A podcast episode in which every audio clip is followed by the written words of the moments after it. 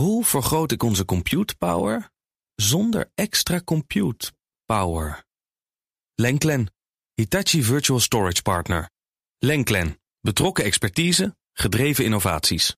Tech Update. Het is bijna tien voor acht en dus gaan we in vliegende vaart naar Mats Akkerman voor de Tech Update. Mats, goedemorgen. Goedemorgen weer. Irak blokkeert Telegram. En dat komt omdat ze zorgen hebben over de nationale veiligheid. Wacht, wacht even, de Telegram dat is een Russisch systeem, toch?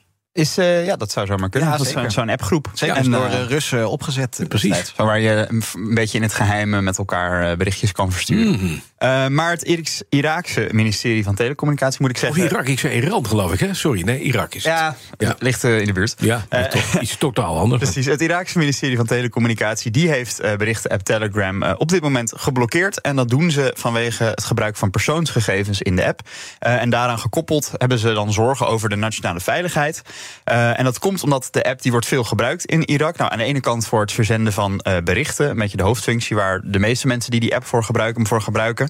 Maar in Irak wordt die app ook heel veel gebruikt als een bron van nieuws. Want sommige kanalen daar bevatten veel persoonlijke gegevens. Uh, waaronder namen, adressen van mensen en zelfs de familiebanden van Irakezen. Mm -hmm. Nou, dat vindt het ministerie van Telecommunicatie dus niet zo fijn. Die laten weten in een verklaring aan persbureau Reuters dat het had gevraagd aan Telegram om sommige kanalen waarin van die gegevens staan, bijvoorbeeld van overheidsinstellingen of persoonlijke gegevens van burgers, om die kanalen af te sluiten.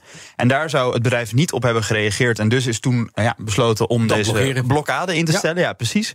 Telegram zelf heeft nog niet gereageerd op vragen hierover. Maar uh, het is Telegram wel vaker overkomen dat ze ergens op de wereld geblokkeerd werden. Bijvoorbeeld vorig jaar in Brazilië. Uh, daar heeft het Hoge Gerechtshof dat toen gedaan. Wel om een andere reden, want toen zouden ze te weinig doen aan het uh, bestrijden, verspreiden van desinformatie via die app. Uh, maar dat hebben ze toen aangepast. En toen was na een paar dagen die blokkade er weer af. Dus het zou ook kunnen dat ze in Irak iets aan hun werkwijze moeten aanpassen. En dat, uh, dat het ministerie van Telecommunicatie dan zegt: Oké, okay, jullie Oh, krijgen weer groen licht. En uh, Oké. jullie kunnen de app weer gebruiken. Dan andere berichten-app. Want we blijven een beetje in de, in de berichten-appjes. De WhatsApp, dat gaat gezellig worden. Want die komen met een voice-chat-functie voor hele groepen. Ja, ja, Het is Zoom, maar dan zonder beeld. ja precies. Ja, het, is, het heeft er wat van weg. Want het is een voice-chat-functie voor maximaal 32 deelnemers. Dus daar kun je aardig wat uh, van je maten in, in huisvesten in zo'n groepsgesprek. Uh, en dit wordt getest in de meest recente beta-versie van WhatsApp voor Android. Uh, meldt WhatsApp Beta Info. Uh, er kunnen dus 32 deelnemers in en gelijktijdig met elkaar praten. Gezellige boel, dus zonder dat je elkaar ziet. Dus ik kan me voorstellen dat als het echt zo vol zit, dat het dan ook echt wel chaos wordt. Um, dat weet ik wel zeker. Maar ja, je noemt het Wie al, zei ja. dat? Wie zei dat? Ja, ja, nou, dus als je dan een beetje stemmen hebt die op elkaar lijken, ja. dan kan het inderdaad heel verwarrend worden. En dan denk je waarschijnlijk, nu ja, in hoeverre verschilt het nou weer van een telefoongesprek of een Teams-meeting of een Zoom-meeting? Want we hebben al zoveel verschillende manieren van uh, ja, met elkaar uh, communiceren. Nou, het werkt net iets anders. Um, als een WhatsApp-gebruiker deze voice-chat-functie heeft geactiveerd dan kan hij of zij een gesprek starten in de groep. Dus dan komt er een, een nieuw pictogrammetje voor met een geluidsgolfje. Daar kun je dan op klikken. Dan gaat er zo'n groepsgesprek aan. En dan zie je in WhatsApp je melding van er is zo'n groepsgesprek gaande. Mm -hmm. En als je dan denkt, nou, daar wil ik wel eventjes in meepraten, dan klik je erop, dan stap je erin. Uh, dan kun je gewoon uh, meepraten.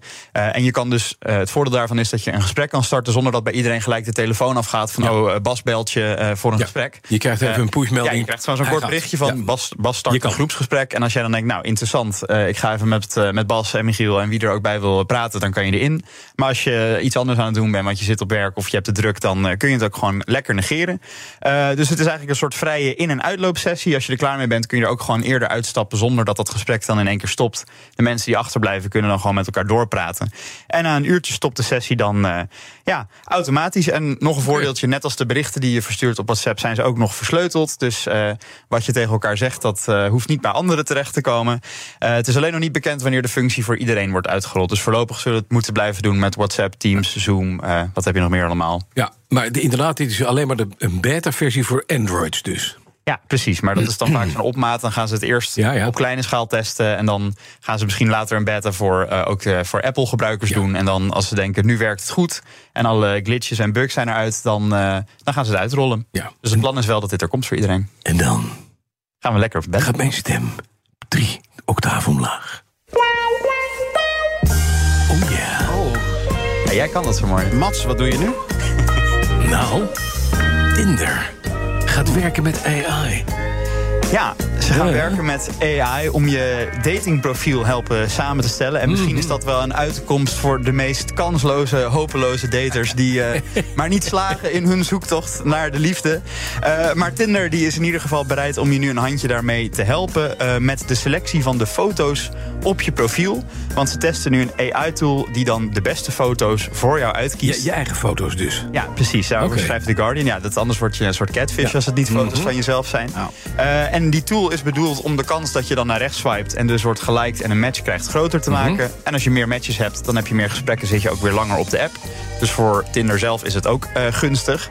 Eh, en hoe het dan gaat werken is dat de AI door je fotoalbums op je telefoon gaat zoeken. En daaruit zoekt hij dan vijf foto's die het meest representatief zijn voor jouw persoonlijkheid. Volgens de CEO moeten dat dan foto's zijn die iemands persoonlijkheid uitstralen. Nou, ik zou zelf vooral zeggen, doe lekker de vijf foto's waar je vooral het beste op staat. Want Ja. uiteindelijk is het toch wel een beetje een vleeskeuring. En eh, ja, het oog wil ook wat. Ja, maar de details zijn eh, ook wel belangrijk. Ik heb eh, Tinder inmiddels uitgespeeld. Ik heb heel wat jaren getinderd. Feitje, ik, ik heb mijn vriendin leren kennen op Tinder. Dus ik ben ook het bewijs dat het kan wel. Maar wat je heel vaak hebt op Tinder... is dat mensen bijvoorbeeld foto's met een zonnebril op, opzetten. Terwijl, ja, iemands ogen... Dat is heel belangrijk belangrijk om te zien, meteen kunnen zien.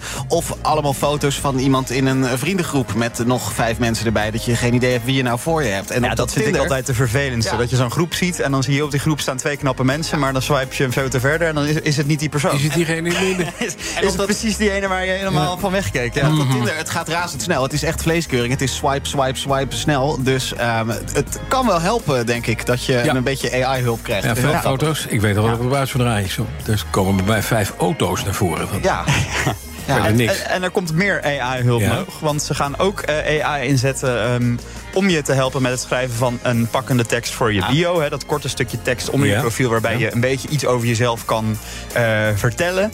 Eh, nou, AI zou ook kunnen helpen om daar een overtuigende tekst van te maken. Want ja, uit ervaring kan ik ook wel zeggen, en Michiel denkt ook wel, dat is misschien wel het meest inspiratieloze stuk van Tinder. Iedereen probeert daar iets leuks en geestigs te zeggen, maar 9 van de 10 keer is dat het niet. Nee. Ehm, maar ja, nu gaat AI misschien geestiger zijn dan, wat jij, eh, dan, dan jij zelf. En Ja, daar wel een en dan vallen jullie door de mand bij de eerste afspraak. Ja, maar blijf Ja. je ontzettend Maar loser wat je wel zijn. kunt doen, is als je dan gaat chatten met iemand... gewoon alles wat jouw match tegen je zegt weer naar ChatGPT sturen... met de prompt, geef een eh, leuk origineel eh, antwoord... of een leuke opening. Maar uiteindelijk moet je toch met een, met een roos in je beek moet je bij Dauphine gaan zitten. Uiteindelijk gaat het mis, klopt. Precies, Daar wijn. gaat het fout. Ja. Ja, en, en, nou, met je zo, spraakwater en dan en komt het altijd wel weer goed. En zo, en daar werd het businessmodel. Zo blijf je tinderen. Exact. Ja, dankjewel. Mats Akkerman. De BNR Tech Update wordt mede mogelijk gemaakt door Lenklen. Lenklen. Betrokken expertise, gedreven resultaat. Hoe vergroot ik onze compute power zonder extra compute power?